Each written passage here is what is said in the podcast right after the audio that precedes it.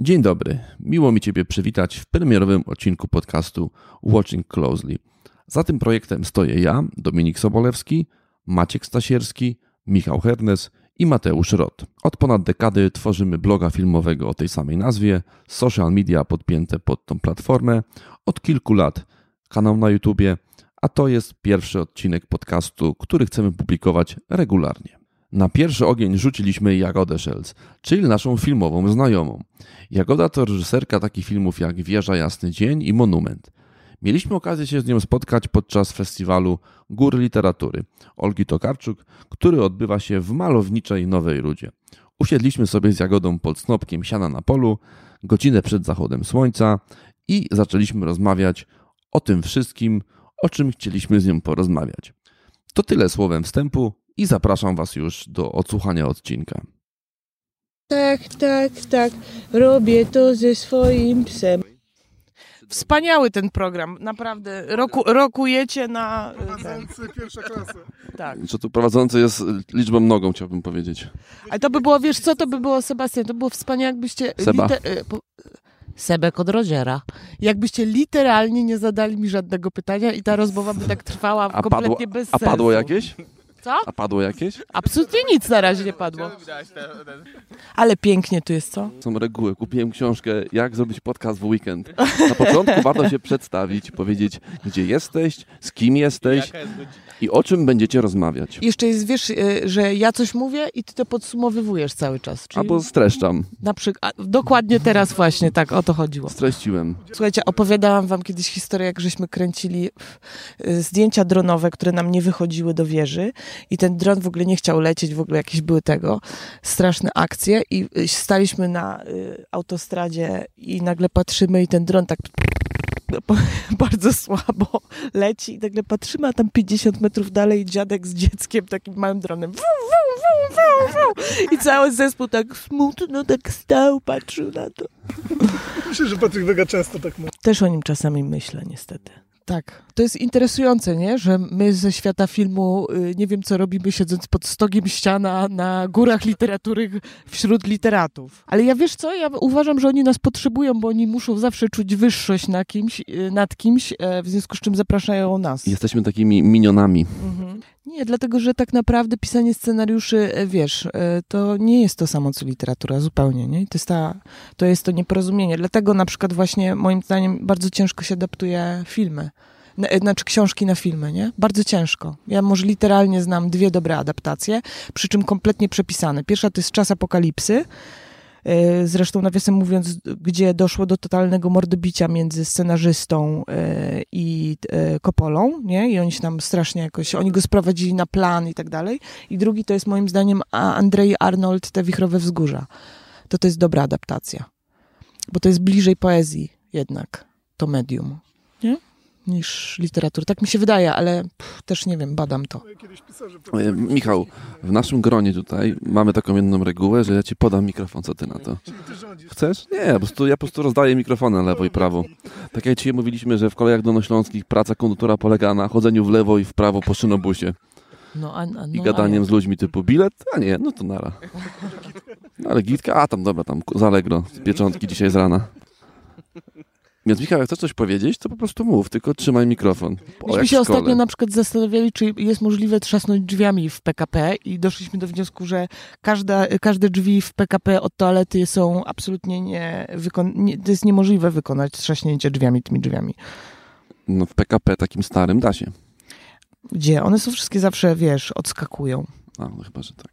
Czyli ciężko odpierdolić psychodramę w PKP tak naprawdę. Można przez okno wyskoczyć. Można. To prawda, był taki krótki metraż nawet Bartka Żmudy. Słuchajcie, nie wiem, do czego to prowadzi ta rozmowa. Tym lepiej dla rozmowy. Nie ma tu żadnego skryptu. To są takie bardzo dziwne pytania pod tytułem, wiesz, na przykład, e, no jak e, pani, e, by- by- był taki facet, to jest interesujące, w jednym miejscu, w którym pokazywaliśmy filmy i on zawsze przychodzi na pokazy i się pyta tych tak zwanych filmowców, czy, proszę pani, e, proszę pani, czy pani film się pani podoba? Nie? I nam załatwia tych ludzi zawsze. Zawsze się śmiejemy, że to jest ktoś po e, egiptologii, e, bo oni się zawsze przedstawiają jako religioznawcy i tak dalej. Ten. I to jest ciekawe, dlatego że y, nie wiem, czy wiecie, że po prostu cenę, którą się płaci za robienie filmów jest taka, że y, my nie oglądamy swoich filmów. My ich nie oglądamy, nie? My nie jesteśmy w stanie ich obejrzeć. I wszyscy zawsze mówią, że tak coś oglądali, że coś tam montowali. Ja nie wiem, jak to jest technicznie możliwe, bo my patrzymy zupełnie na coś innego. Więc to jest coś tak, yy, no, że właściwie tylko można zbierać to później od ludzi. Ja może zadam pytanie pierwsze jednak. Ja pierdzielę. Łamiesz system. Czy jeszcze, jeszcze go nie Seba, zadałem? łamiesz system. Nie, nie zadałem tego pytania, to jest dopiero teaser. Albo zadam pytanie nie zadając go. Że na, może nauczmy się tak prowadzić podcasty. Że będziemy sugerować, co ma ktoś powiedzieć, nie pytając go o nic. Dokończ zdanie. pytanie. O, tak było. To, było jest, tak... to się nazywa test pytań niedokończonych, to Piwowski wymyślił. Marek? Tak. Wspaniale. Bardzo Marka szanuję. W ogóle uważam, że Rejs to jest najlepsza polska komedia. On to zablefował, chodziło mu tylko o to, żeby zabrać mikrofon. Także. No, o, o już teraz styka. Jak ktoś ci mówi, że twój film jest słaby, Tak, albo beznadziejnie słaby, tak. to co mówisz? Czy w ogóle coś mówisz? Mówię, no to rozumiem, dziękuję. Bo mi się wydaje, że dużo osób się obraża bardzo. Wiesz co, bo to zależy, wiesz, z jakiego, z... Pytanie jest, gdzie jest twoje centrum, nie? Czy twoje centrum jest, czy robisz filmy dlatego, żeby później jak gdyby coś uzyskać po tym filmie, nie? Czy, bo ja sobie, za, y, y, wszystkie swoje marzenia i jakieś ambicje kończą się w momencie dla mnie zamknięcia obrazu i dźwięku, nie? I wszystko później, co się dalej wydarza, to już jest naddatek e, do tego. No bo ja już się nic tak naprawdę aż tak dużo później po tych projekcjach nie uczę. Coś tam się uczę, wiadomo, nie? Natomiast e, ja nie kontroluję tego, jak ludzie odbierają coś. Ja w ogóle nie kontroluję, jak ludzie e, odbierają, nie? Tak jak ty nie kontrolujesz, jak ludzie odbierają ciebie na przykład, nie? Oni cały czas tylko mówią o tym, co im się, co im się wydaje. Tak jak ja mówię na temat tego, co mi się wydaje. Więc trudno wymagać, żeby ktoś mówiąc ci, że coś mu się na przykład nie podoba, ale to, to, co ty powiedziałeś, to jest w ogóle to, co Wajda powiedział, że jak widz nie rozumie, to się obraża, nie? I pełna zgoda, no. Tylko, że co możemy zrobić teraz z tą sytuacją? Jak on nie rozumie? Bo to jest tak, że y, jak ja czegoś nie rozumiałam w dzieciństwie, to sobie na ten temat fantazjowałam. Nie? A ludzie się boją tworzyć sami jak gdyby opinie, nie? Bardzo się boją. I myślę, że to jest dobrze im przypominać, że oni mogą to robić. Po takich uwagach to nie miałaś kiedykolwiek jakiejś takiej myśli, żeby, nie wiem, coś zmienić w mm, dziele, które już zostało zakończone? Nie. Nie, nie. Wiesz co, y, ja nie potrzebuję y, jak gdyby chcieć coś zmienić y, na wskutek tego, że ktoś zgłasza mi problem jakiś z filmem. To znaczy, ja mam sama takie miejsca, które mnie, wiesz, że potwornie bolą, bo tam wiem, że zabrakło na przykład czasu, żeby coś dociągnąć, albo że wiem, że to nie do końca wyszło, więc nie, nie, jak gdyby ja wiem, nie, które to są miejsca ale nie, nie mam. I to mówię nawet, bo, bo jak się teraz tak y, rozmawiamy, to się nawet zastanawiam, co by było, gdyby naprawdę osoby, bo jest parę takich osób, co y, zależy mi na ich opinii, czy jak gdyby ufam ich opiniom, może nie zależy mi na ich opinii, ufam ich opiniom, nie? I czy gdyby oni mi powiedzieli, że coś jest niedobre, to, y, to czy ja bym to chciała zmienić? Ale to się wie, się wie, że coś nie wyszło. I e, to jest taka, wiesz, to jest taki, taka zabawa polegająca na tym, że trochę, nam, e, trochę my nie możemy o tym mówić, no bo wiesz, no nie możemy sobie sami strzelać w kolano, ale właściwie, ale właściwie wydaje mi się, że każdy dobrze wie, co zrobił. Chyba, że jest w jakimś naprawdę totalnym, jak gdyby takim, wiesz, e, egocentrycznej jeździe, co też się zdarza. A jak często się zdarza, że mm, po pierwszych pokazach, już abstrahując od y, oceny, Tak. zmienia się cokolwiek y, i na przykład, y, nie wiem, pokazujesz film na festiwalu i on trwa, nie wiem, 100 minut Tak. i nagle em, dystrybuowany jest y, już 95-minutowy film i go tam przemontowujesz. Jak często to się zdarza w ogóle? U mnie bardzo rzadko się to zdarza, bo one są dosyć precyzyjnie przygotowane. No, to znaczy, jest taka bardzo śmieszna historia o monumencie, bo myśmy go pokazywali pierwszy raz na festiwalu szkół teatralnych i to był film, e, ten film musiał być przygotowany pod projekcję do sali teatralnej, czyli trzeba było zrobić tam kolor pod tą salę. I dźwięk pod tą salę, tylko na ten jeden pokaz, bo ja wierzę, że ten pierwszy pokaz jest bardzo ważny, szczególnie dla aktorów. Natomiast później siadłam jeszcze raz, bo wiedziałam, że jeszcze coś tam przemontuję, bo po prostu było literalnie za mało czasu jeszcze na poprawki. Dlatego, że ludzie myślą, że się e, montuje film, później się do niego robi dźwięk i na końcu się robi kolor. A często e, dźwięk determinuje długość trwania ujęcia. To jest, to jest zależne, nie? I czasami kolor nawet determinuje długość trwania ujęcia, nie? Czyli właściwie się powinno tak naprawdę, wspaniale by było wymyślić taki system pracy, w którym się to symultanicznie mogłoby dać robić. I pamiętam, że wtedy jeszcze chciałam coś przymontować, siadłam z e, moją montażystką, kochaną Anią Garncarczyk i przymontowałyśmy film, skróciłyśmy go o 17 klatek. No, czyli mniej niż Ale- e, Ale było tam, ale było tam, ale było tam z 24 cięcia, żeby było jasne, nie? I e, trochę tutaj przesunęłyśmy, trochę tutaj e, podsunęłyśmy i literalnie jak obliczyłyśmy e, 17 klatek wypadło tylko. Więc one, one były, one są dosyć precyzyjne, ale ja jestem też compulsive obsessive, więc ja, ja raczej mało zmieniam. I ja, y, wiesz, to jest bardzo trudne też, nie? To znaczy, kiedy puścić film, bo są, są niektórzy reżyserzy mają z tym problem, że boją się tak strasznie tej konfrontacji, że nie są w stanie wyjść z tej montażowni. Znasz takiego jednego osobiście, którego ja bardzo nie znam, a bardzo chciałbym poznać, Aha. który w, książ w książce Schickela, tak Aha, się nazywa, powiedział, mówimy o Martinie Scorsese, Domyśliłam się. który powiedział, y, że on ma tak, że jak siedzi z Telmą Schoolmaker i Tak. montuje. Wspaniała montażystka. Poznałaś? Niestety. Mm, Zaraz zapytam jeszcze o Martiego, ale Ale ona moment. była chyba na Kamery Micz kiedyś. No to prawdopodobne. Mhm, mhm. To on powiedział, że jak pytał go Schickel, jaką ma z tymi filmami, że on ten film kończy, kończy, montuje, postprodukcja, postprodukcja. I kiedy jest ten moment, kiedy on powie, że okej, jestem gotowy, wypuszczamy. Powiedział, że nigdy nie jest. Że on zawsze jak film ogląda, po latach, to mówi w swoim stylu, że tak sobie komentuje. Tu, tu, tu, tu jest źle, tu jest za krótko. Na pewno. I tak dalej. Więc on po prostu film po prostu myślę. musi wiedzieć, kiedy po prostu puścić, co nie? Czy też tak masz? To myślę, że to bardzo dużo ludzi ma yy, i to, bo to jest, wiesz co, nie wiem, czy znacie taką teorię tworzenia dywanów. Yy, w yy, krajach arabskich yy, yy, węzełkowo wiąże się dywany z jedwabiu i ostatni węzełek jest zawiązany krzywo po to, żeby nie stworzyć coś, co byłoby omnipotentne, czy jak gdyby na miarę Boga. Bo to obraża Boga. I to jest coś takiego, że nie jesteś w stanie stworzyć filmu przez czas, którego cały czas siedzisz i patrzysz na niego i wydaje ci się, że wszystko jest tam doskonałe, to na pewno jest niemożliwe. Jeśli ktoś tak ma, no to bardzo mu współczuję, bo to znaczy, że ulega bardzo nieprawdziwej em, jakiejś emocji. Druga rzecz jest też taka, że czasami oglądasz swój film i ci się on podoba bardzo, a czasami oglądasz tylko serię swoich porażek. Nawet w które wierzyłeś i nawet o które walczyłeś, nie? Że takie one mają być, a później nagle masz takie.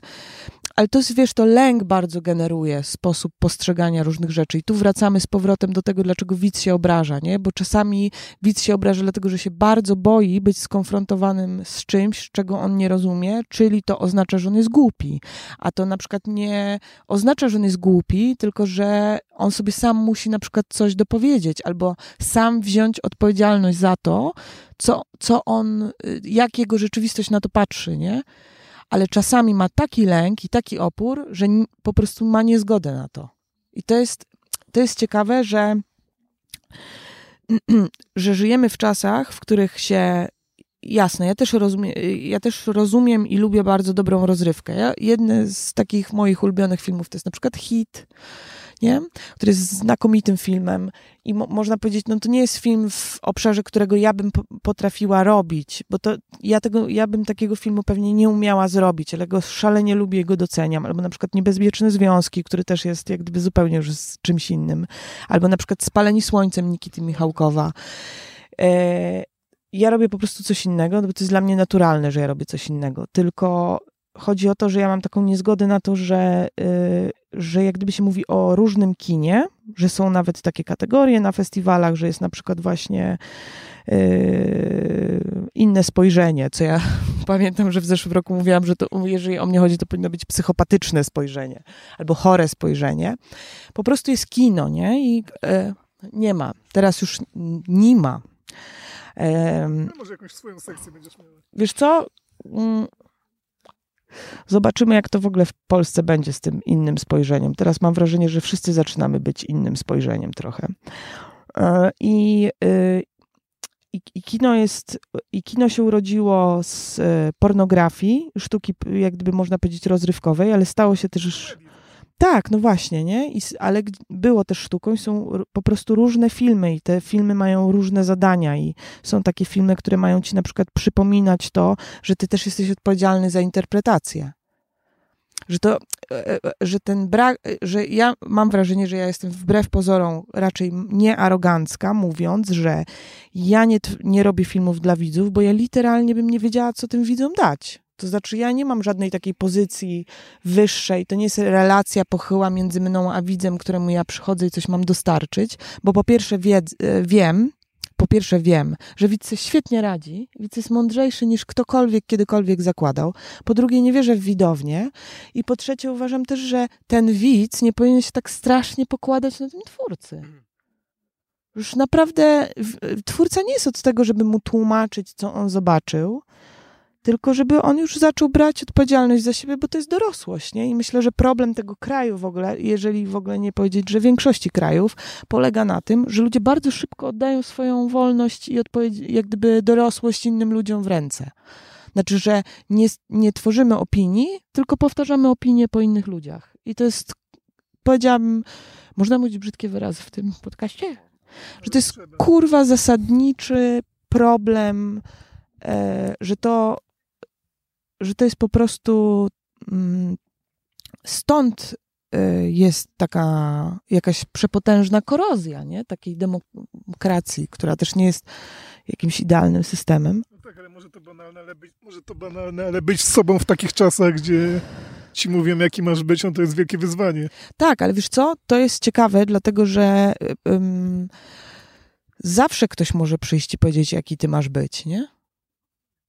I mogą być czasy pokoju i stabilizacji, i tak ktoś zawsze ci będzie to mówił, nie? Tylko pytanie jest, co ty z tym zrobisz? To znaczy, ja się czuję wolna, na, ja się czuję wolna. Mój dziadek zawsze mówił, że to, co masz tu w głowie i to, co masz tu w sercu, tego ci nikt nigdy nie zabierze. Czasami też pokazywał na żołądek, ale no bo też przeżył głód pewnie, dlatego. Tak, dlatego ja wierzę, że nawet w Korei Północnej są ludzie wolni w, swoim, w swojej głowie. To jest też ciekawe, nie?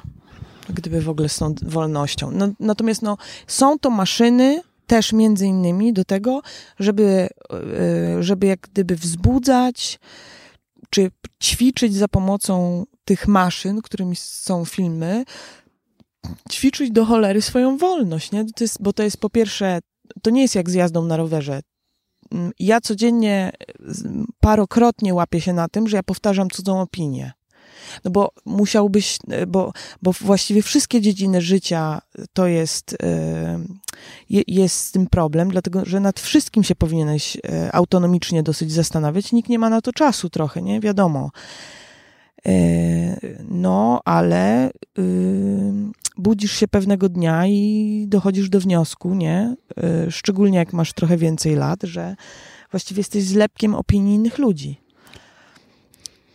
Albo że cały czas słuchasz w telewizorze, jak ci ktoś mówi, komu ktoś powiedział, komu ktoś powiedział jakąś, jakąś opinię, nie? No mi się w ogóle wydaje, że jest trochę tak, że my dorastamy w takim środowisku, jako wypadkowa rodziny, społeczeństwa, kultury, że nas tak to oblepia warstwami, jak taką cebulę, rzeczy, które nie są nasze. My je przyjmujemy, bo mamy wtedy bardzo niski poziom, e, czy duży poziom tolerancji, że to w nas po prostu wjeżdża. I mniejszy stres też, nie? No bo Tak. nie musimy brać odpowiedzialności za to wszystko, za tą całą rzeczywistość, która jest potworna. Tak. I jest ten moment u, u jednych szybciej, u drugich później, a u, u niektórych może nigdy, zaczynamy odwracać mechanizm.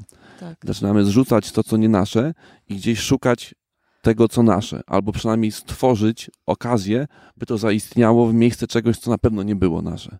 Tak, i jeszcze bym do tego dodała, to co ty mówisz, to jest ważne, jeszcze bym do tego dodała, że jeżeli chodzi o filmy, to jest jeszcze jeden zasadniczy problem, polegający na tym, że ludzie czują się w przymusie, że jak wychodzą z kina, że mają natychmiast, ale natychmiast wystrzelić jakąś opinię na temat tego, co przed chwilą zobaczyli. Bo nie ma czasu, nie? No bo znajomi stoją i każdy się powinien wypowiedzieć, co zobaczył. To znaczy nie ma w naszej kulturze takiego buforu czasu, w którym ty jesteś możesz powiedzieć przepraszam, bo to jest o asertywności, to jest lekcja o asertywności, w której ty możesz powiedzieć przepraszam, jeszcze nie wiem. To się nawet mówi o tym, że y, wiesz, bo to jest jeden z mitów reżyserii, że reżyser powinien natychmiast wiedzieć. To jest gówno prawda, że reżyser powinien natychmiast wiedzieć. Reżyser powinien wiedzieć, kiedy nie wie, wiedzieć, kiedy ma czas na to, żeby nie wiedzieć, a jeżeli nie wie, no to robi coś, co w wojsku się nazywa diabelską alternatywą, czyli e, podejmuje, e, e, podejmuje jakąś decyzję, żeby móc, móc iść, iść do przodu. I to jest zresztą w filmie Touching the Void, chyba to się nazywa, ale to nie jest ten film, to jest o tym, jak dwóch chłopaków poszło zdobywać Siula Grande i tam jest to jest świetny film, to jest paradokument o tym, jak, on, jak im się udało w ogóle przeżyć. I tam jeden gość leży w szczelinie i mówi: i, yy, Umierasz w górach wtedy, kiedy nie, nie przestajesz podejmować decyzje. I to jest dokładnie o reżyserii, i to jest trochę dokładnie o naszym życiu. Bo, yy, bo tam, kiedy jest czas, żeby móc się zastanowić i mieć ten, tą tę przestrzeń na refleksję, to my sobie jej nie dajemy, a tam, gdzie musimy podejmować decyzje, natychmiast ją oddajemy innym. Y, to, co powiedziałaś, mi się o tyle jakby gdzieś w głowie przypomina, że ja w skali mikro mam tak na przykład taką regułę, jak chodzę do kina, tak. że nigdy na sali kinowej po zakończeniu filmu nie mówię o filmie. Mhm. To wiadomo, to jest dalej krótki okres, ale czasami wiesz, idą napisy i ktoś mówi do ciebie, ale fajne albo złe. Tak. Ja nie, ja sobie wtedy poczekam, tak. wyjdę w kolejce z kina, też bez pośpiechu i nawet po wyjściu jeszcze z sali, też jakby już wtedy się nie odblokowuję, tak. bo im lepszy film, tym jest we mnie większa, większy korek, mhm. że potrzebuję tego czasu coraz więcej. Mhm. Pamiętam, że rozmawialiśmy rok temu tutaj e, o Blade Runnerze. Tak. To miałem tak, że po wyjściu z kina naprawdę długo milczałem, mhm. czy po Dunkierce, mhm. z innych powodów zupełnie, ale to mhm. było tak, że w sumie im słabszy film, tym albo szybciej mówisz opinię, Mhm. Albo w ogóle mówisz i zapominasz, mhm. a im lepszy, przynajmniej mówię o sobie, jest tak. tak. że czasami to nawet nie jest ten sam dzień, ani nawet tydzień, bo nie wiesz, co myśleć. Bo to nie był prosty przekaz, który zrozumiałaś tak od razu, tylko mhm. takie te lepsze rzeczy, przynajmniej tak mi się one chyba dłużej wydaje. pracują w głowie. One trochę. muszą, one potrzebują więcej czasu często. A miałeś tak, a no dobra, a czy mogę się spytać, czy mieliście takie doświadczenie, że na przykład właśnie kiedyś szybciej mówiliście, a później po jakimś czasie dochodziliście do wniosku, że się pomyliliście, że na w pierwszych, w pierwszych momentach, pierwszych emocjach coś wam się wydawało, bo ja wielokrotnie na przykład jakoś bardzo radykalnie oceniłam. W ogóle to też jest, to też jest interesujące, że my żyjemy w kulturze, która nas zmusza do tego, żeby wydawać oceny nie żeby emitować kolejne refleksje, bo wydaje mi się, że po najgorszym filmie można mieć interesujące refleksje. E, to nie chodzi o cenę, nie? Tylko chodzi o to, co ty sobie ukradłeś z tego filmu. Ale miałam czasami tak, że na przykład właśnie bardzo oceniłam ten film jako niedobry, ale po jakimś czasie, jak go, tak z Vox Lux trochę miałam, że tak w pierwszym momencie tak wyszłam, tak mi się wydawało tak nie bardzo. Ale później im dłużej o tym filmie myślałam, to dochodziłam do wniosku, że on nie jest aż, znaczy nie jest aż taki, on nie jest głupi w ogóle, to nie jest głupi film, nie? Gdzieś. Ale gdzieś mam oczywiście problem z nim i tak dalej, natomiast e, no właśnie po to tego nie należy robić, nie? Dlatego, żeby też zostawić taki bufor bezpieczeństwa na to, że my się mylimy po prostu. Co jest fajne.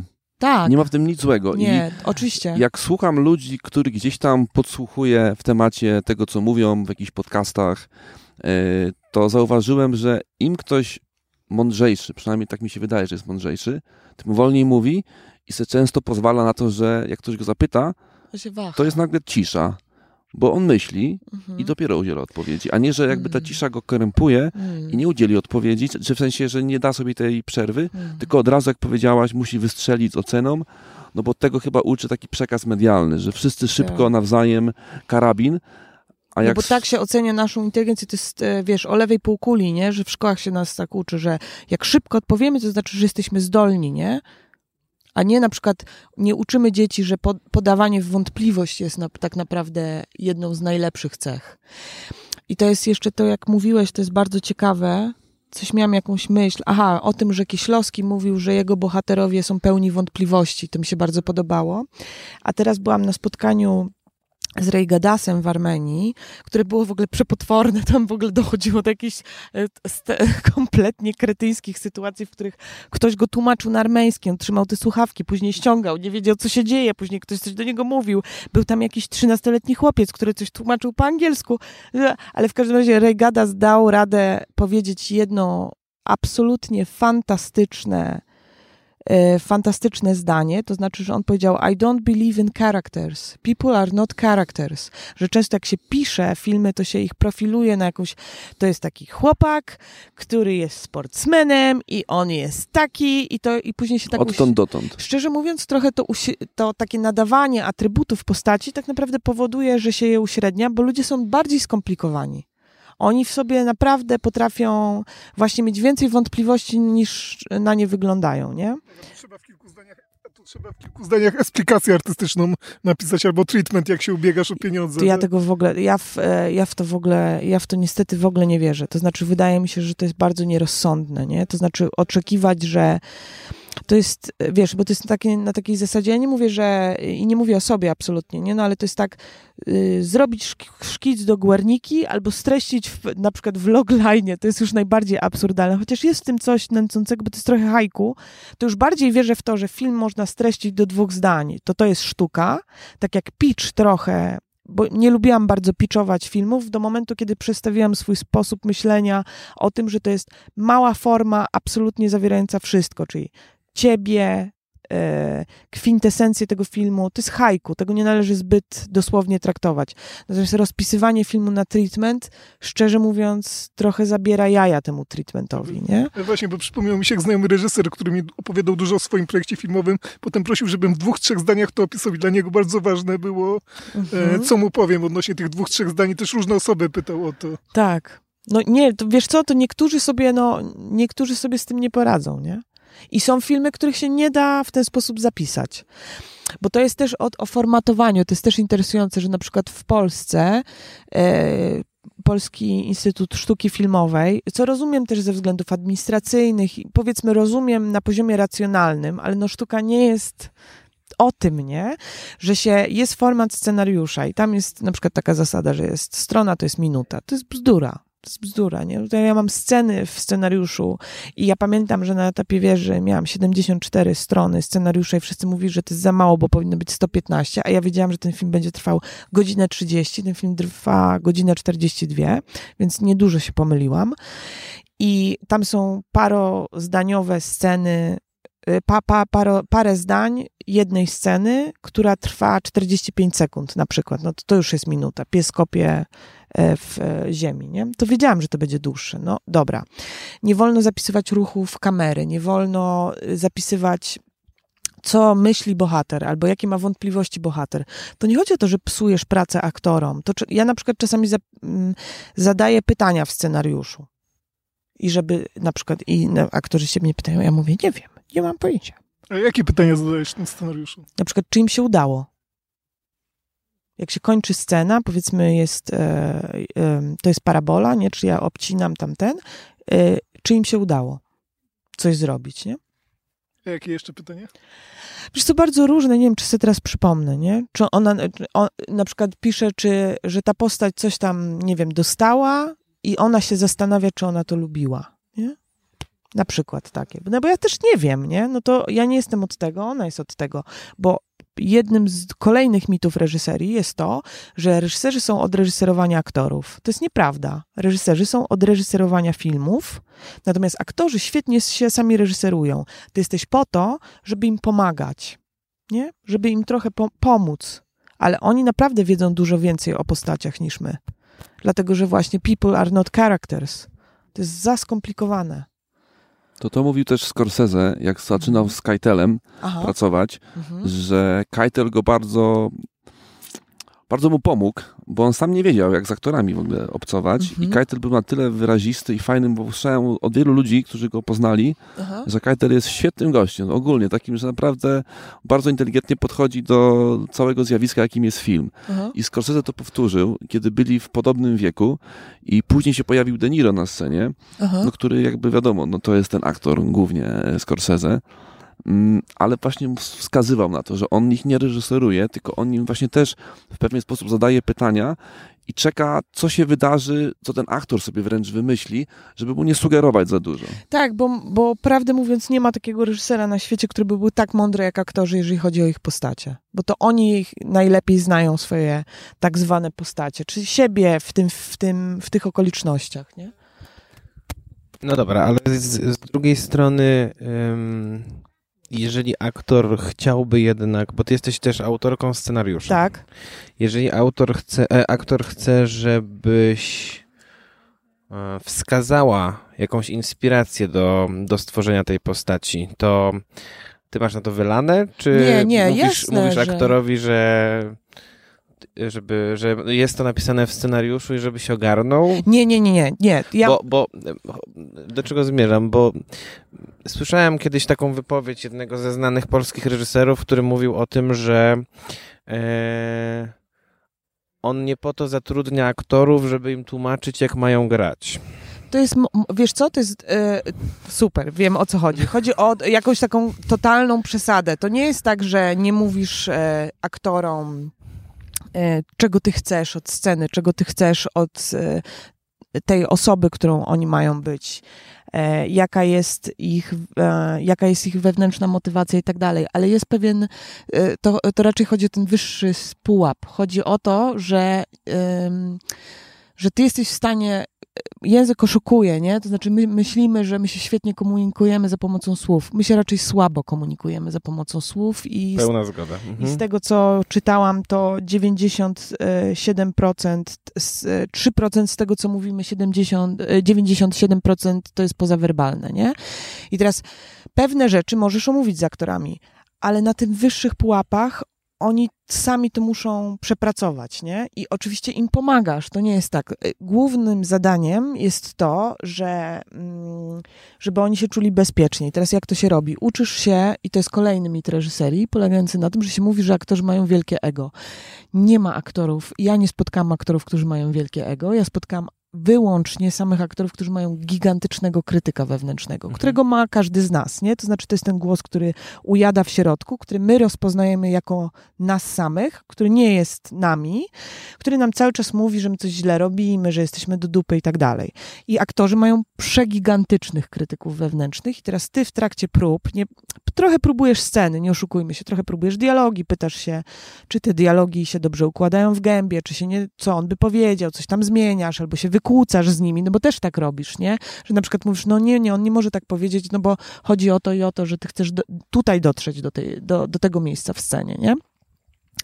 E, Ale głównie uczysz się, jak ich krytyk wewnętrzny opierdala e, twoich aktorów, co on im mówi. I to jest na przykład, jest słynna historia o tym, że aktorka, którą uwielbiam, z którą pracowałam, to jest aktorka, której absolutnie po końcu ujęcia nie wolno powiedzieć, że ona zrobiła dobrze wszystko. Bo ona zacznie po, e, jak gdyby e, e, właśnie poddawać wątpliwość ciebie i szukać ściemy, nie? To znaczy, że ona tak naprawdę traci poczucie bezpieczeństwa, jak jej się powie, że wszystko dobrze zrobiła. To jest pomoc ze strony reżysera. Natomiast ona ze swoją postacią będzie wiedziała, co zrobić i jak się wystarczająco długo o tym porozmawia. E, A czy w przypadku tych dwóch twoich filmów, które, które mogli polscy widzowie obejrzeć na Tak. ekranach, to jednak e, to była różnica w pracy z aktorami, bo jednak w Wieży Jasny Dzień miałaś aktorów doświadczonych, teatralnie, filmowo, jakkolwiek. Mhm. W Monumencie miałaś jednak e, studentów dyplomowych. Tak. Czy była duża różnica w komunikacji? Nie. I to jest, e, wiesz, jaka, na czym polega różnica? To jest interesujące, bo o tym się też mówi, bo jeszcze jest, e, są technicy też, prawda? Jest zespół artystyczny, i są technicy. i y, napiera się na to, żeby technicy mieli 30-paroletnie doświadczenie i że oni są wtedy super. I bardzo często są super, bo oni mają rozwiązania, y, których na przykład młodsi nie mają, ale pracuje się bardzo podobnie i ja miałam ludzi po drugiej stronie kamery, którzy byli na drugim e, roku i pracowali dużo lepiej niż niektórzy ludzie, których ja znam z doświadczeniem, to jest raz. Tak samo jest z aktorami, to znaczy tym e, studentom tak zwanym, bo oni już w mojej ocenie nie byli studentami i ja ich tak nie traktowałam, a jak kogoś jakoś nie traktujesz, to on taki nie jest. E, nie było żadnej różnicy. Różnica polegała tylko na tym, że tamci mieli mniejszą wiarę w siebie, dlatego że sami siebie uważali za studentów. I wyciągnięcie ich z tego, nie wszystkich, nie? No bo tam mówimy o różnych ludziach, o różnych jednostkach ludzkich, było. Ta praca polegała głównie na tym, żeby im powiedzieć, że oni dobrze proponują, że oni są autonomiczni, co jest totalnie ważne, jeżeli chodzi o pracę z aktorem, i że oni mogą proponować i oni mieli y, raczej tutaj hamulec. Bo jeżeli chodzi o Krotowską, Szczerbowską, nawiasem mówiąc, y, ani Ania, ani Małgosia nie miały aż takiego doświadczenia filmowego, no ale oczywiście to aktorzyce teatralne, wiadomo, już y, po prostu nie z, jed, nie z jednego pieca chleb jadły. Natomiast rozbujane w tym, nie? I jakieś też bardzo autonomiczne, co jest super. I należy dążyć do tego, żeby aktor był totalnie autonomiczny. Ale ci młodsi e, aktorzy, ci młodsi artyści wycofani byli bardziej. Ale też nie wszyscy. Niektórzy byli po prostu no, zwierzęciami, takimi zwierzakami, jak Ania Biernacik, która tam se nie da w kaszę dmuchać, nie? I jednych trzeba wesprzeć w tym, w tych, w, w tych działaniach, a innych e, trzeba poprosić, żeby trochę zrealizowali bardziej e, to, co ty chciałbyś, nie? Czy chciałabyś. Jezus. Mi się podobało to, co powiedział w wywiadzie e, Rafał Zawierucha. Tak. Ostatnio.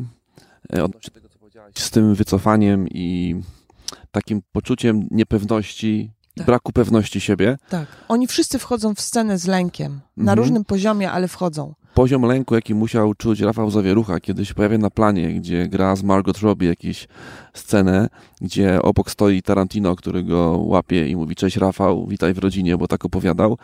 I on właśnie zadał sobie takie pytanie, że dostał taką okazję w życiu i teraz yy, jakby pomyślał sobie o dwóch opcjach. Albo wejdę tam w to towarzystwo skulony, poczuję się gorszy, no bo kim ja jestem, nikt mnie tam nie zna, ja znam wszystkich, wielkie legendy kina, albo wejdę tam jak do, jak do siebie, jak równy z równym i wtedy zrobię coś takiego, że po prostu nie będę tej okazji marnował na po prostu poczucie się... Na kompleks. Na kompleks.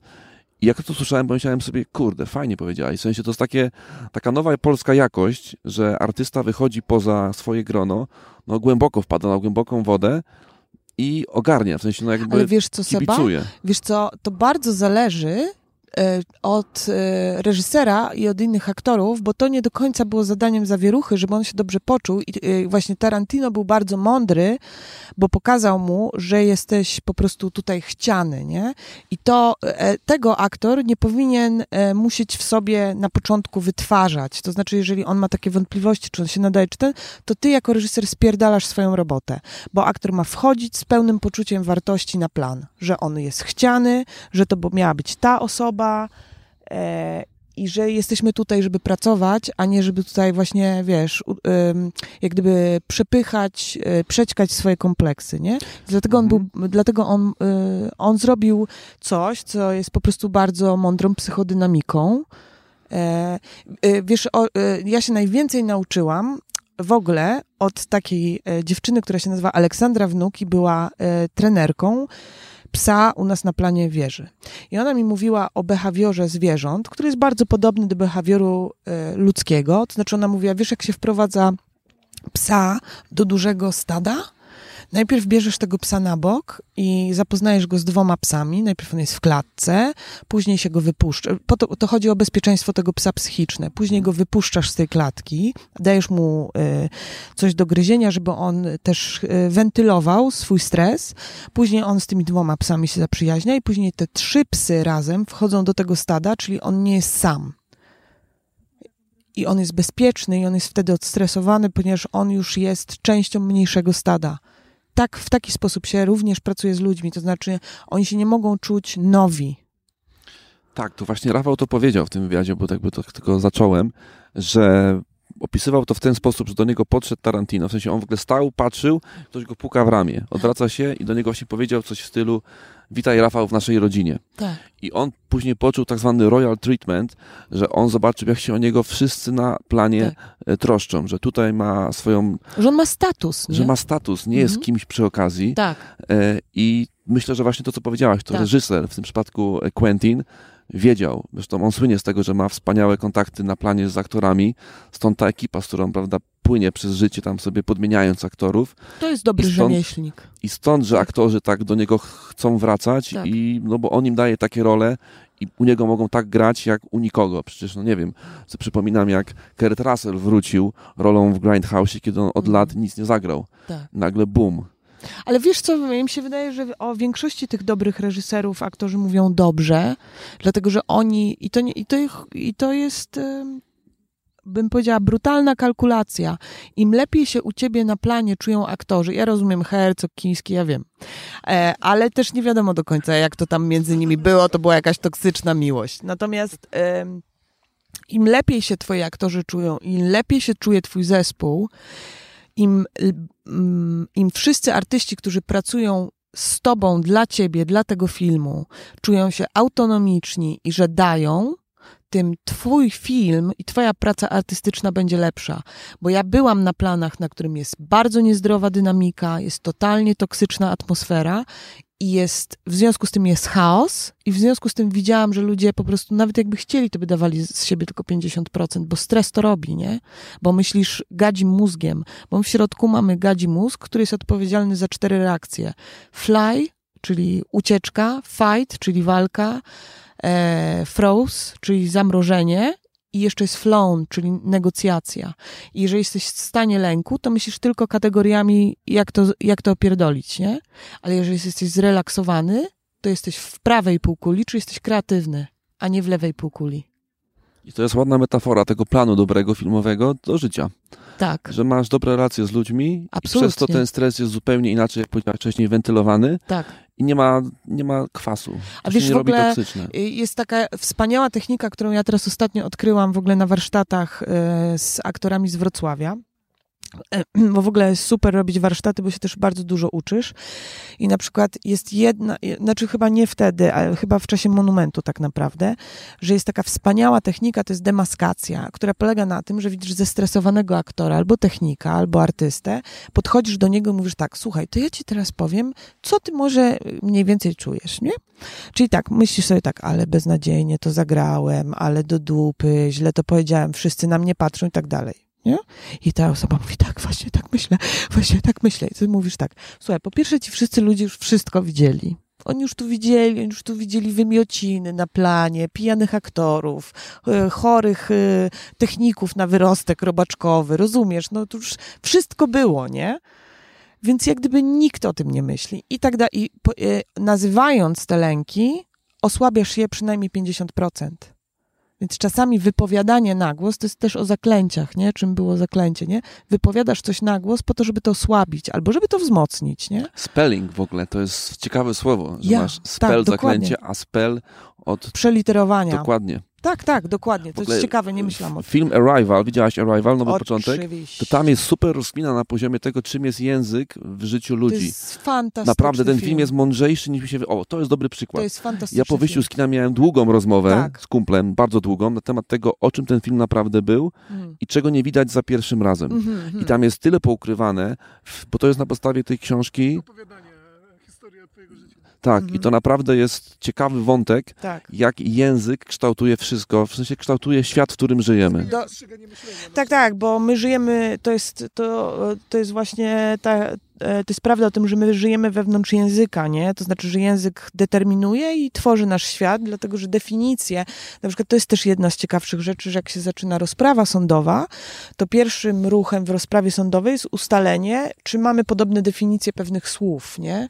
Jest jeszcze jedno bardzo śmieszna rzecz, że na przykład jak na planie filmowym powiesz do aktora, dobra, no to idź trochę szybciej, to to nic nie oznacza, dlatego że twoje szybciej jest bardzo różne od jego szybciej i na razie nie mam lepszej techniki niż to, że mówię ciut, ciut szybciej, nie szybko, ale nie wolno, tylko ciut, ciut, czyli nie za szybko, czyli nie za wolno. I oni wtedy jakoś mniej więcej idą w tym tempie, co trzeba. Albo możesz robić na przykład dwa razy szybciej albo wolniej niż teraz idziesz. Tak, to, to przy następnym dublu, okej. to, bo masz punkt odniesienia. O właśnie, tak, punkt tak. odniesienia. Ale jak masz za pierwszym razem coś powiedzieć, to jest trochę trudniej, to prawda. Bo to jest o tym, że każdy ma e, bardzo przeróżne definicje słów, nie? Ale im więcej się e, obnaża na zewnątrz, nie? Tym bardziej się upraszcza system.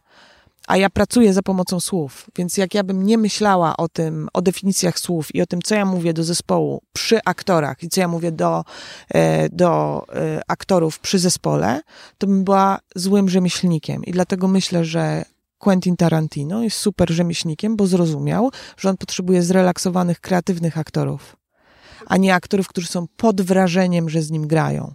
Bo on nie przychodzi realizować swojego ego na plan, nie? Coś, Używasz słowa rzemieślnik, a nie artysta.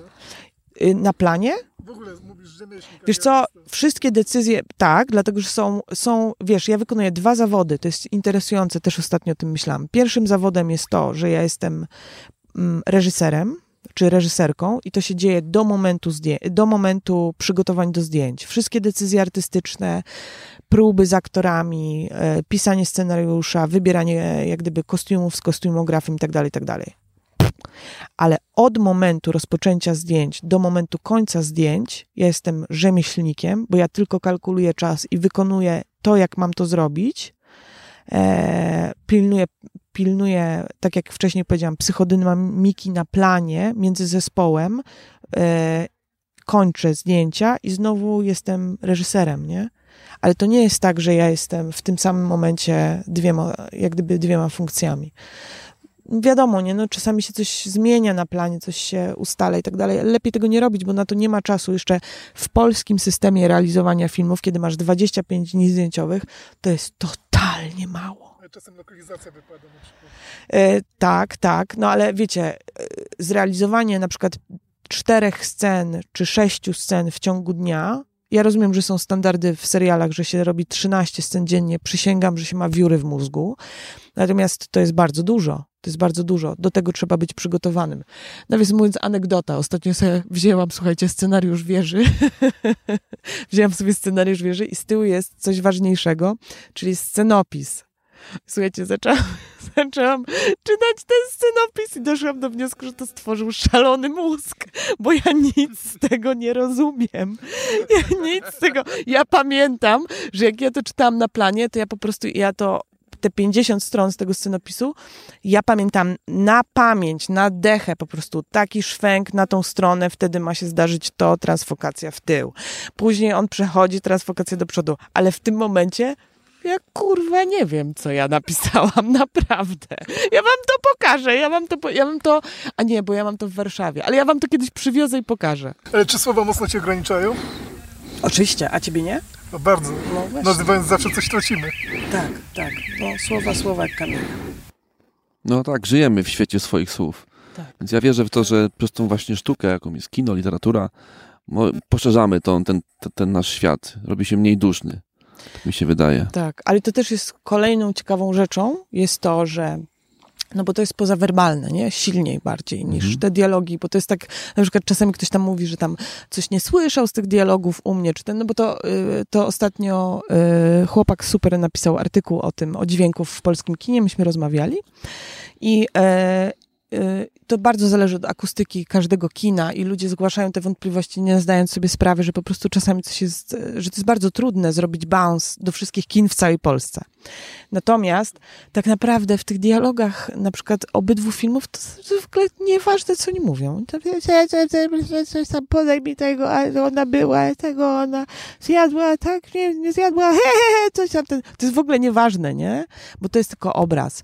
Ale obraz jest ograniczony, bo to jest jakaś ramka. Natomiast to, co jest nieograniczone, to jest dźwięk. Ja bym chciała bardzo prosić, nie wiem, czy ktoś nas słucha, ale chciałabym bardzo poprosić, że ja bym chciała strasznie zrobić kiedyś w Atmosie coś. Ja bym chciała, żeby moje filmy były...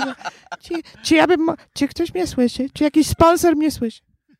A co do tych dialogów, bo bardzo wielu ludzi, którzy chodzą na polskie filmy lub oglądają polskie seriale, mówią, że rzeczywiście w polskich filmach i w polskich serialach nic nie słychać.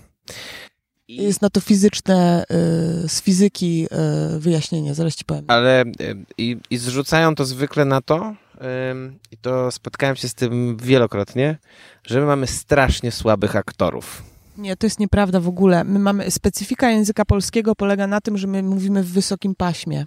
To znaczy, że my mamy szy, czy, ży, z, zi, pść, em, i, po, I to jest wysokie pasmo, y, i dlatego język polski jest szalenie trudny y, w rejestracji. To jest pierwsza rzecz. Druga rzecz jest taka, że budżety polskich filmów są coraz niższe. W Stanach Zjednoczonych to jest chyba, z tego co pamiętam, 20 albo 25% budżetu idzie na postprodukcję dźwięku. To znaczy, że oni mają czas na planie, żeby jeszcze raz na przykład e, zrobić od razu postsynchrony na planie. To Amer- e, e, za granicą to jest jakieś dosyć normalne, że aktorzy jeszcze w tym momencie jeszcze pamiętają, jak to powiedzieli, bo niektórzy aktorzy niesłychanie potrafią natychmiast po scenie powtórzyć dokładnie w tym samym tempie intonacji, co szalenie trudne, mniej więcej powtórzyć e, w taki sposób, że ma się gotowy postsynchron, ale na to jest potrzebna godzina więcej na przykład, albo 20 minut więcej, a w Polsce jest walka z czasem. I druga rzecz to jest też taka, że tak jak powiedziałam, bardzo trudno jest ustawić końcowy bounce, czy taki E, do wszystkich kin w Polsce, nie? I są kina, które ja uwielbiam, które mają super dźwięk, super akustykę. Zresztą kina w Polsce są często robione z tych kin e, takich, wiecie, perelowskich, które mają inną akustykę. Teraz mamy Dolby, więc to jest bardzo trudne, nie? My mamy zajebistych dźwiękowców. Ja myślę, że ja pracowałam z dwoma absolutnie najwybitniejszymi dźwiękowcami w Polsce. Znaczy Kacper Habisiak to jest po prostu geniusz i jego zespół, nie? Bo tam jeszcze jest dużo innych ludzi. To nie jest kwestia tego. To jest kwestia tego, że po prostu taką, taka specyfika języka. Ale mamy też dobrych aktorów? Uważam, że mamy totalnie zajebiście dużo świetnych aktorów w Polsce. Szalenie dużo. Uważam, że oni wszyscy siedzą po jakichś legnicach, teatrach, jakichś wałbrzychach, jakichś w ogóle, albo na przykład już nie grają. E, I teraz tak, woli wyjaśnienia. Jest E, jakaś pula znakomitych polskich aktorów, którzy cały czas ich widzimy na ekranie i ludzie ich lubią oglądać, też czasami idą na filmy dla aktorów. I to jest okej, okay, jasne. I to jest okej, okay, że idziemy obejrzeć sobie aktora, którego lubimy. Ja też to robię. Natomiast producenci też cisną na to, bo uważają, że w ten sposób zdobędą jak gdyby widownię, nie? I to też jest okej. Okay. Ci aktorzy są znani dlatego, bo to są wybitni aktorzy ci aktorzy, którzy są na topie u nas, to są naprawdę świetni aktorzy, nie? Natomiast jest cała po prostu, to słuchajcie, to jest po prostu klęska urodzaju, nie? Ja mam wrażenie, że ja znam samych wybitnych aktorów.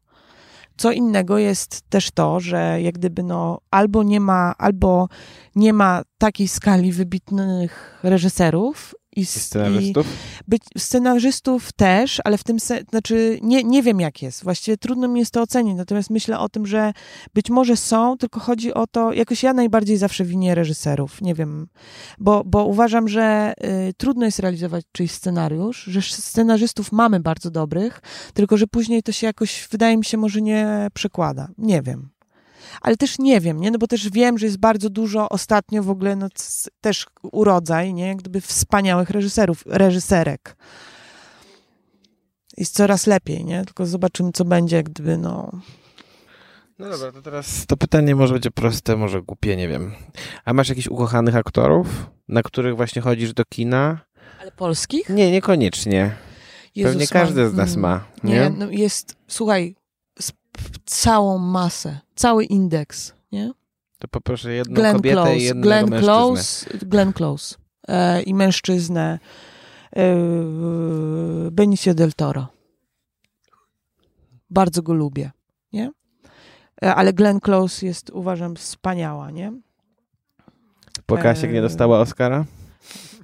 Nie, w ogóle nie. Myślę, że ona też nie. Myślę, że No, jej nie, tam... ona, ona się cieszyła Wiesz nawet. co, płakałam jak e, po raz trzynasty, nie, po raz dwunasty nominowali Dickinsa, ale on znowu jak gdyby wypalił papierosa i poszedł do domu, bo on chyba był, zdaje się, 12 razy nominowany, nie? Y, 14, 14. za 14 razem dostał. Dostał dopiero za Blade'a, Mhm. za 14 razem. Tak, tak. To jest klasa człowieka, bo to jest naprawdę, nie wiem czy wiecie, to jest operator, który, e, on ma chyba w tym momencie 78 albo coś takiego e, lat. I to jest gość, który prowadzi bloga, w którym to blogu opisuje wszystkie swoje triki. Znaczy, że on jak gdyby opisuje, jak on pewne rzeczy zrobił, które z reguły operatorzy czasami trzymają dla siebie, no bo to jest ich warsztat i tak dalej. Odpowiada na pytania. I on odpowiada na pytania. Wiem, bo odpowiadał. Wiem, no. Ja wiem, dlatego że chyba Przemek Brynkiewicz też, nie pamiętam, czy on mu zadał pytanie i on odpowiedział. To jest, e, wow, to jest I niesamowity gość. właśnie bardzo dużo. Tak. W ogóle to, co on mówił, jak wygrał Oscara, było tak urocze, bo on tak się fajnie speszył w ogóle, że, że w końcu musiał wyjść na scenę. Przepraszam, ja tu byłem 13 razy, ale e, nie wiem o co chodzi, ale dziękuję.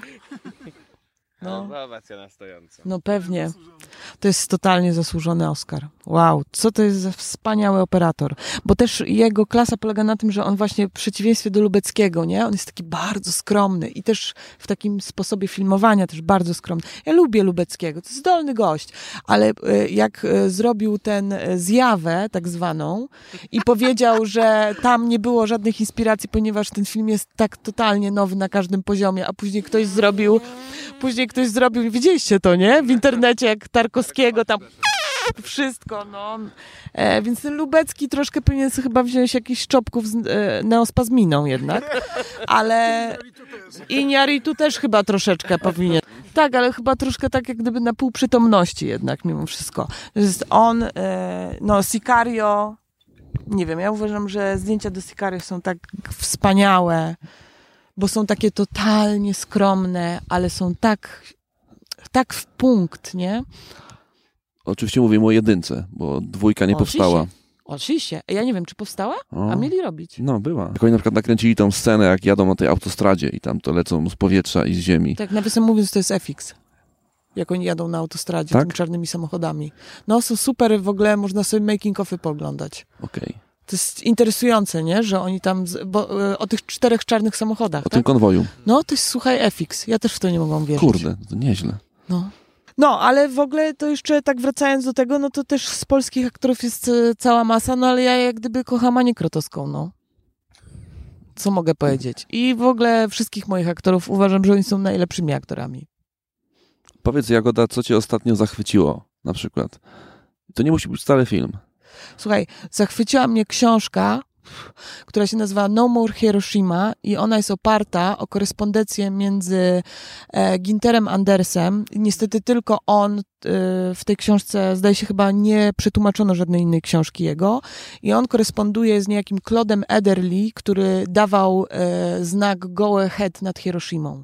I to jest najpiękniejsza męska korespondencja e, która jest e, między, no to jest w ogóle, e, tam jest takie uczucie między nimi, taki rodzaj wsparcia, który oni, on daje temu chłopakowi, bo ten chłopak, to jest ciekawa historia.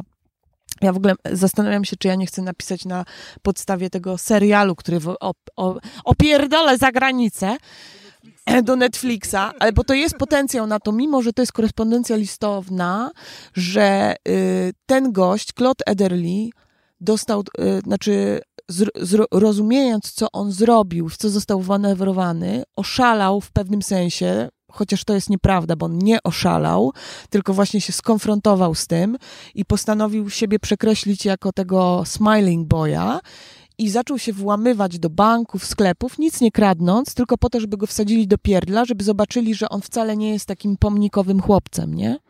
To jest w ogóle, i on trafia, Air Force go trzymało tam strasznie długo w szpitalu psychiatrycznym, tylko dlatego, żeby on, y, żeby on, bo on był bardzo, zaczął mówić przeciwko e, zbrojeniom atomowym i tak dalej, i tak dalej. To jest w ogóle, słuchajcie, to jest wspaniała książka. No More Hiroshima? Tak, ale też dlatego, że warto sobie zo- zobaczyć, jak wygląda wspaniała relacja między dwójką mężczyzn, którzy sobie dają bardzo dużo wsparcia i w ogóle takiej, i jest szalenie mądre. E, ten Ginter Andres jest nieprawdopodobnie inteligentnym gościem, nie? To jest bardzo piękna korespondencja. Bardzo się wzruszyłam. Nie? No bo tak się mało mówi też o tej emocjonalności mężczyzn, że oni mają taką stronę, nie? że oni sobie też potrafią dawać to. To się zmienia, bardzo dobrze się to zmienia, bo wy też jesteście przez kulturę strasznie źle traktowani. No wiem. Ja ci teraz pocałuję. Cię. Tego nie, tego nie było widać, a to się wydarzyło. Tam teraz będą palić Bo kukłę. y, y, dla tych, którzy nas nie widzą, a nas słyszą, my jesteśmy na wzgórzu, siedzimy i jeżeli wszystkie samochody odjadą, to jak gdyby no, y, noc na sianie. Jesteśmy w Nowej Rudzie, proszę Państwa. W wiosce Amiszów. Słuchajcie, ten podcast jest beznadziejny, zrozumiecie, że my omawiamy rzeczy, których nikt, O to chodzi. nikogo nie interesują. A właśnie to się okaże. Robimy ten podcast dla siebie. Tak. Nie ma takiego kogoś jak widownia, jak sama powiedziałaś. Nie, Widz jest mądrzejszy niż nam się wydaje. W tym przypadku słuchacz. to prawda. To jest nasz tok rozumowania. Tak, to prawda. Ale macie też coś takiego na Nowych Horyzontach, że jak lecą reklamy, to odczuwacie stres, czy się wystarczająco dużo wysikaliście? Czasami. No. Ja zwykle mam jednak takie coś, że się boję, że się nie wyspałem wystarczająco dużo. To już jest Przestań się mazać, Ale słuchaj, tam spać, spać to akurat można. No, króciutko. Słuchajcie, kiedyś na Nowych Horyzontach oglądałam film e, Nowej Fali Filipińskiej, w której ktoś zasypiał, ja zasnęłam, obudziłam się i ten ktoś się obudził.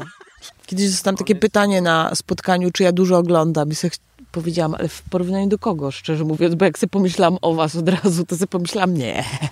A ile rocznie oglądasz? Oj, nie, wcale nie tak dużo. Nie? Nie, nie, nie dużo. Szczerze mówiąc, teraz w ogóle mam takie, jakieś takie poczucie, że jestem w ogóle zapóźniona, ale wiesz co, ja nie jestem w stanie w ogóle... Ja, ja, tak, ja tak nie... Ja nie i po Ale prostu... chodzisz tak na po prostu na bieżąco? Czasami cho- nie, nie. Ja więcej do teatru chodzę wbrew Aha. pozorom, ale po prostu ja bym nie była w stanie, tak. e, ja bym nie była w stanie oglądać tak jak wy, bo ja bym się chyba po prostu umarła. Ja nie wiem, jak wy to robicie, ale tu jest pięknie. No to jest... No, żegnajcie się w antropocenie, żegnajcie się z naturą.